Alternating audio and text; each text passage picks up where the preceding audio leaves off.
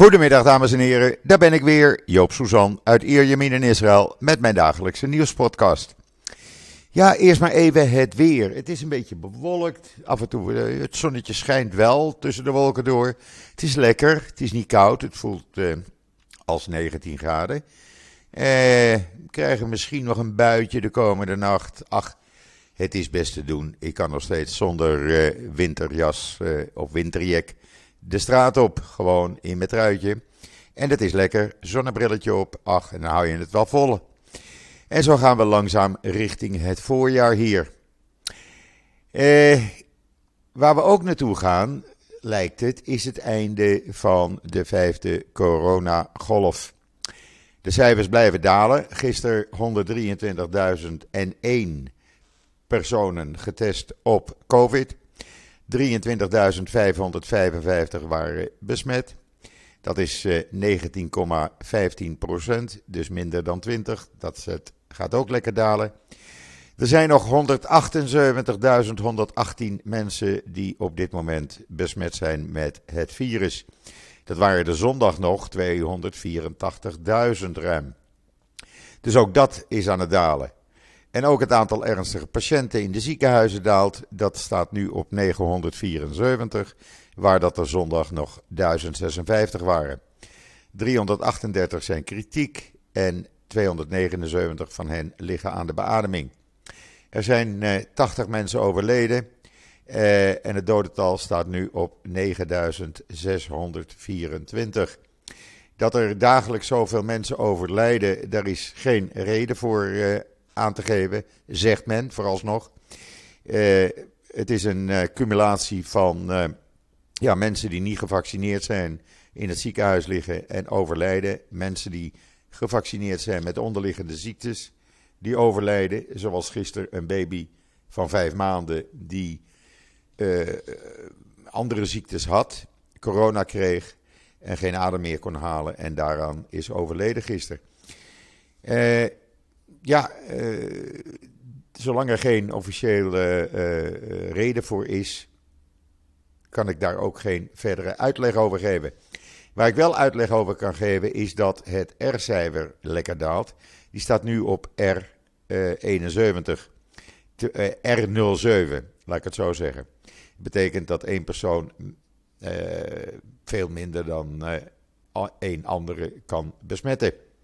En dan sinds het begin van de COVID-pandemie, dus ruim twee jaar geleden, zijn er nu van de 9,5 miljoen Israëli's tot en met gisteren 3.460.914 besmet geweest. Of besmet met het virus. Dat is dus meer dan een derde. Uh, en dan uh, ander COVID-nieuws. Uh, er is hier bekendgemaakt dat nieuw onderzoek uh, uitwijst dat uh, mensen met het post-COVID-syndroom uh, blijvende schade aan belangrijke zenuwen in het lichaam kunnen overhouden. Uh, men heeft het over de nervus vagus, dat is de tiende hersenzenuw, de langste en meest complexe van allemaal. en daar zou dan schade aan kunnen ontstaan die dan weer doorwerkt op uh, uh, de, de verbinding tussen hersenen en maag-darmkanaal. Uh, ja, het is allemaal niet zo simpel. Iedereen die zegt, ach, het is maar een griepje. Nee, er zit veel meer achter. U kunt dit trouwens lezen in de Jerusalem Post. En dat we de normale kant weer op gaan, blijkt ook uit uh, Birthright, die Amerikaanse organisatie die altijd tienduizenden jonge, jongelui uit de hele wereld naar Israël brengt voor een tiendaagse reis. Nou, die uh, beginnen weer. Mensen moeten wel, uh, die aan de reis deelnemen, volledig gevaccineerd zijn. En ze worden hier getest volgens de regels van het ministerie van Volksgezondheid. De eerste 2000 die komen de komende weken aan. En dat is de eerste van een aantal uh, groepen die naar Israël worden gebracht. En dan ja, het werd gisteren plotseling out of the blue aangekondigd. Premier Bennett ging naar Bahrein. Eerst was daar een paar weken geleden president Herzog, maar nu is hij uh, daar naartoe. minister van Defensie Gans is al geweest. En dat gaat gewoon erg goed. Men heeft dat uit veiligheidsoverwegingen op het laatste moment bekendgemaakt. En uh, ja, hij werd daar met alle egards uh, ontvangen. Hij is uitgenodigd door de kroonprins van Bahrein, uh, die tevens premier is, meneer Salman bin Hamad al Khalifa. En het is het eerste bezoek ooit van een Israëlisch premier aan Bahrein. Dus mag je dat best historisch noemen. Inmiddels heeft Bennett daar de leden van de Joodse gemeenschap ontmoet. Uh, trouwens, als u kijkt op Israël Nieuws, ik heb het videootje, staat erop van de wijze waarop hij met alle eer begroet werd op het vliegveld. ook het, de video van zijn ontmoeting met de Joodse gemeenschap staat op israelnieuws.nl. En hij heeft vanmorgen een ontmoeting gehad met de commandant van de Amerikaanse vijfde vloot. En ook daar is weer een video van online. Uh, hij komt in de loop van de avond weer terug. Dus een kort bezoek, maar het toont wel aan dat de banden tussen Bahrein en de banden tussen de Emiraten en Israël goed zijn. En eigenlijk ook Saudi-Arabië, want hij vloog toch mooi weer over uh, Saudi-Arabië. En dat is ook nog nooit gebeurd dat een Israëlische premier over Saudis, uh, door Saudis luchtruim vloog. Bijzonder allemaal. En een goed teken van de snelle, goede ontwikkelingen hier in het Midden-Oosten. En dan, ja, Israel Aerospace Industries. Die toont voor het eerst de hypermoderne Blue Spear grond-tot-grond raket. En enorm gevaard als je die foto ziet. Hij staat op uh, Israël Nieuws en hij wordt getoond op de Singapore Air Show. Een van de belangrijkste shows in de wereld. En dan de Tindler-swindler. Ja, ik heb hem gezien op Netflix. Dus die Israëlische oplichter die vrouwen bedroog en uh, voor tonnen uh, hem geld lieten betalen. Daar sloten ze weer leningen vooraf. Uh, hij is uiteindelijk, gepakt door een Nederlandse vrouw die het niet vertrouwde en die hem ja, ging checken waar hij uithing. Daar de politie op heeft afgestuurd en uiteindelijk is hij gepakt. Hij heeft 15 maanden cel gekregen hier in Israël. Maar heeft maar vijf maanden uitgediend, want meneer gedroeg zich natuurlijk perfect in de gevangenis en speelde toen ook de eerste coronapandemie mee. En ja, toen had men uh, een aantal niet zo zware misdadigers maar naar huis laten gaan. Het gerucht gaat dat hij op dit moment, ja, hij woont ergens in Rishon LeZion geloof ik, of Peter Tikwa, maar hij schijnt een vriendin te hebben en schijnt weer te proberen trucs uit te halen. Dus misschien komt er een uh, vervolg. Iets heel bijzonders op uh, Israël Nieuws. Twee foto's waarop Israëlische F-15's een Amerikaanse B-52 bommenwerper begeleiden door Israëlisch luchtruim op de terugweg vanuit de Perzische Golf. Hele mooie foto's vond ik zelf en ik vond het de moeite waard om ze even online te zetten. En dan, uh, ja, Ges, uh, Hezbollah. Die gooide roet in het eten voor een Turks bedrijf. Die wilde meebieden op een gedeeltelijke privatisering van een deel van de haven van uh, Haifa. Maar het blijkt dat een van die uh, uh, eigenaren banden heeft met Hezbollah. Dus gaat het feest niet door voor ze. daar gaan ze maar met Hezbollah verder, want daar runnen ze de haven voor. En dan, ja, El Al is nog een van de weinige passagiers vliegtuigmaatschappijen die op Oekraïne vliegt. En uh, ja, Amerika heeft gevraagd van uh, halen jullie nou onze burgers eruit en breng ze naar Amerika toe. Nou, is een mooie deal. El Al gaat dat doen, is daar al mee bezig. En uh, met een tussenstop in Tel Aviv gaan de mensen vanuit Oekraïne met een El Al toestel naar Amerika.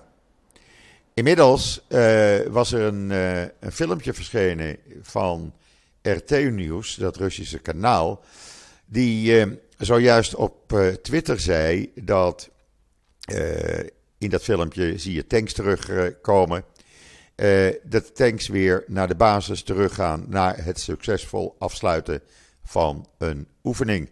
Het zou er dus op kunnen leiden, op kunnen wijzen, dat de Russische minister van Buitenlandse Zaken, Lavrov, die gisteren aan een meterslange tafel met Poetin zat te praten, op een vraag van Poetin antwoordde van ja, diplomatieke oplossing geeft de voorkeur en is altijd nog mogelijk. Het zou zomaar kunnen zijn dat het de spanning gaat verminderen. Laten we erop hopen. Want inmiddels, ja, Israëlische high-tech bedrijven die zitten met duizenden werknemers daar in Oekraïne. Ze doen veel outsourcing. En die komen al aardig in de problemen. Zo heeft bijvoorbeeld uh, Wix, het programma uh, waar mijn blog ook onder draait. Wix uit Israël, die heeft inmiddels duizend stafleden uit de Oekraïne en hun families naar Turkije en Polen overgebracht voor de komende twee weken. En eventueel kunnen ze dat uh, nog verlengen. Maar ja, dat kost natuurlijk klauwen met geld en uh, ook een stagnatie in het werk. Dus laten we hopen dat het allemaal uh, uiteindelijk mee gaat vallen. want je hebt er niets aan aan die spanning. En we leven tenslotte in 2022. Kom op zich, oorlog hoort daar niet meer bij. Maar goed, de Oekraïnse onderminister van Buitenlandse Zaken, die in Israël was, die heeft gisteren geprotesteerd bij eh, minister Lapid van Buitenlandse Zaken, omdat Lapid opriep en oproept aan Israëli's: verlaten jullie nu zo snel mogelijk Oekraïne. Zij zegt dat uh, geeft alleen maar paniek en dat moet je helemaal niet doen. dat is helemaal niet nodig om zoveel paniek te maken. En ook andere landen doen dat. En dat schaadt de economie van Oekraïne. Want investeerders halen hun geld uit het land. Ja, maar ja, het is natuurlijk wel de praktijk, de situatie zoals die is. En door de spanningen uh, en door de banden, de goede banden die Israël met Rusland, maar ook Oekraïne heeft, weigert Israël de verkoop van het Iron Dome raketafweersysteem aan Oekraïne. Daar werd over gesproken. Uh, Oekraïne wil kosten wat het kost, die uh, dat afweersysteem hebben. Kan ik me iets bij voorstellen. Maar Israël zegt: ja, sorry, dat doen we even niet. wij willen niet betrokken raken in de oorlog tussen Oekraïne en Rusland. ja, eigenlijk is het begrijpelijk, maar aan de andere kant, ik kan me ook weer Oekraïne voorstellen die vindt van ja, eh, wij moeten ons kunnen verdedigen. En dan om al, alle geruchten een eind te maken, het is eindelijk bevestigd. De Israëlische president Herzog gaat Turkije op officieel bezoek, staatsbezoek, bezoeken. Dat is eh, meer dan tien jaar niet gebeurd. En het gaat nu echt gebeuren. Een teken aan de wand dat de banden tussen Turkije en Israël aan het verbeteren zijn. Uh, volgens uh, Turkse media komt hij op uh, eh, 9 maart en gaat dan een officieel staatsbezoek met Erdogan aan het land afleggen. Nou, dat, ja, ik vind dat een goede ontwikkeling, laat ik het maar zo zeggen. En dan afgelopen nacht heeft de IDF een top Hamas official in Jenin gearresteerd tijdens een nachtelijke operatie. Het is meneer Abdul Jabdar, Jabbar Yarar. En ze hebben zijn huis doorzocht en ze hebben hem meegenomen. Uh, Israëlische troepen die, uh, ja, ze kwamen niet als soldaat, ze waren vermomd, zegt men. IDF zegt er verder niets over, geven geen commentaar, zeggen alleen we hebben hem gearresteerd. Hij was in het verleden al vaker gearresteerd, want ja, hij, gaf hij geeft leiding nog steeds aan terreurcellen op de Westbank. En men wil voorkomen dat er weer aanslagen komen. En dan in Amerika hebben ze een groot probleem. Ik wist dat niet, maar ik zag het vanmorgen staan in alle kranten. in Zuid-Amerika, Zuid, het zuiden van Amerika en delen van Mexico, zeg maar Californië en het gebied van Mexico wat daaraan grenst, is een megadroogte. Het is nog nooit zo erg geweest als 1200 jaar. Het is 1200 jaar niet voorgekomen. Uh, het is al twee decennia aan de hand, maar het is nu zo erg dat alles, alles is uitgedroogd. Ja, ik zou zeggen, neem het Israëlische desolation uh, proces over, koop die fabrieken, daar ben je er vanaf. En dan heb je altijd weer drinkwater uit zeewater gemaakt. Want wij doen dat hier ook. 80% van het Israëlische drinkwater wordt uit zeewater gemaakt. En het smaakt uitstekend. En dan, ja, een Palestijnse official die zegt: Het is de schuld van Israël en Amerika dat het Palestijnse leiderschap geen steun meer heeft onder de bevolking en dat het leiderschap verzwakt wordt. En het heeft allemaal te maken met schendingen van de Israëlische regering. Ja, het ligt altijd aan een ander bij die Palestijnen, nooit aan hunzelf. En meneer eh, Ben Gvir, de rechts, extreemrechtse Knessetlid, ja hoor, hij is nog steeds in Sheikh Jarrah. En er zijn weer enorme rellen geweest. Hij gaat nu een aanklacht indienen tegen de politie, omdat hij een uh, hoofdwond heeft. Nou, de man is totaal gestoord en ik begrijp nog steeds niet dat men dit zo laat gaan. Daar moet een einde aan komen, want dit kan echt niet. En dan uh, is er een enorme deal net aangekondigd. Ja, echt, het is onbegrijpelijk. Of onbegrijpelijk, het is fantastisch.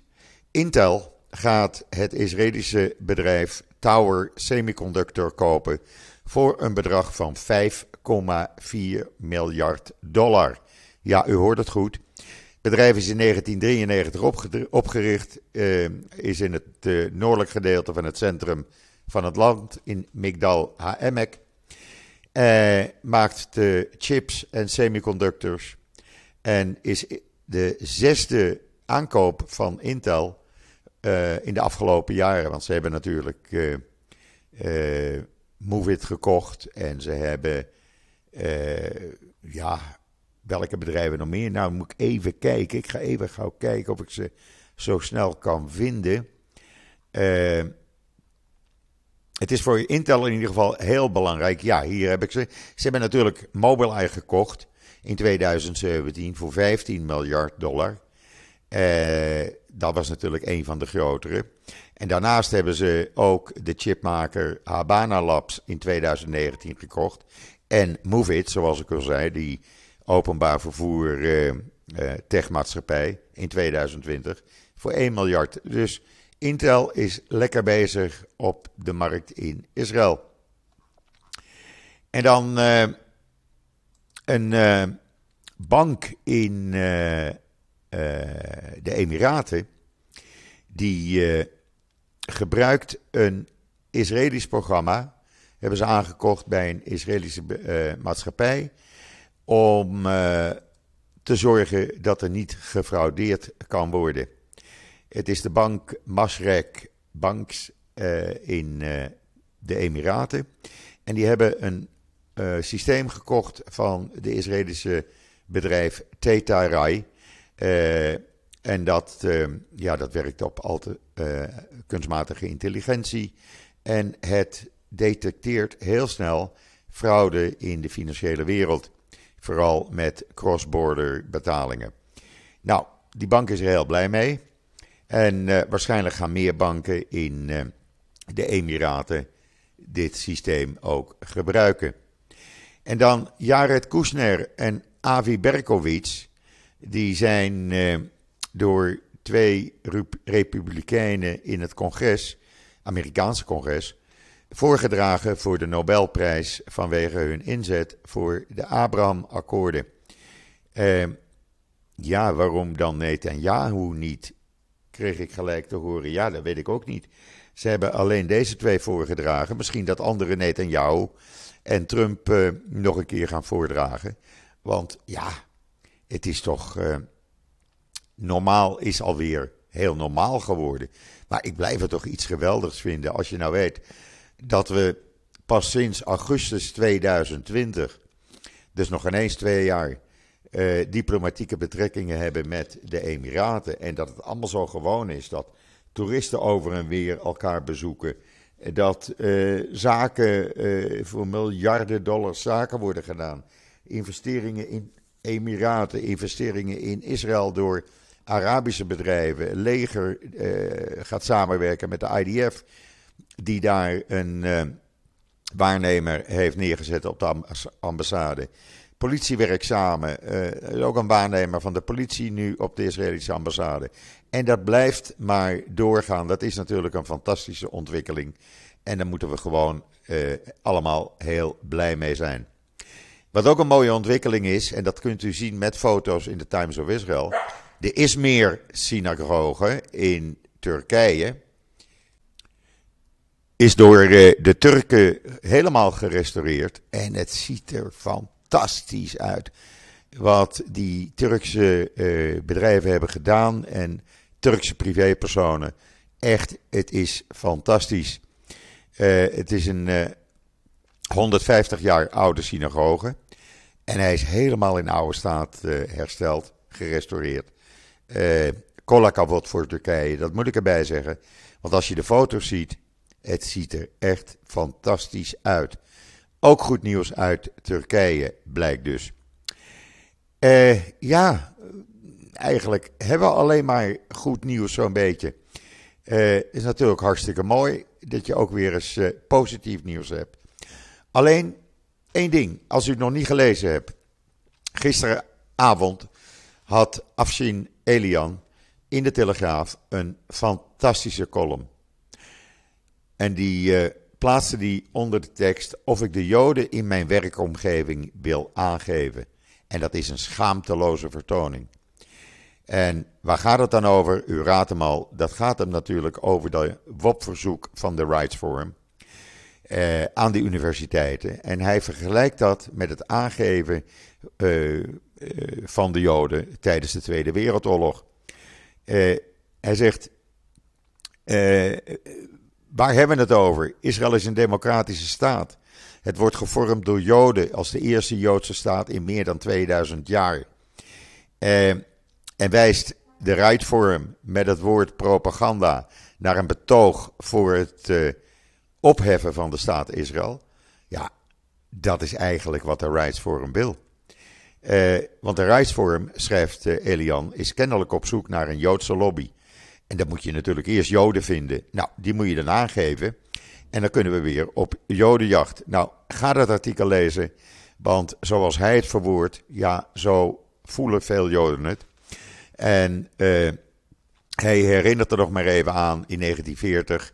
Uh, toen de Leidse hoogleraar Kleveringa zich uitsprak tegen het aangeven en uitsluiten van Joden. En nou zou de Leidse Universiteit, diezelfde Leidse Universiteit, waar Kleveringa zijn beroemde toespraak hield om Joden niet aan te geven, die zou nu eventjes uh, Joden gaan aangeven. Want dat is wat de Rights Forum van meneer Van Acht en van al die bekende politici uh, die daar uh, nog steeds lid van zijn, Klaas de Vries, of Bert de Vries,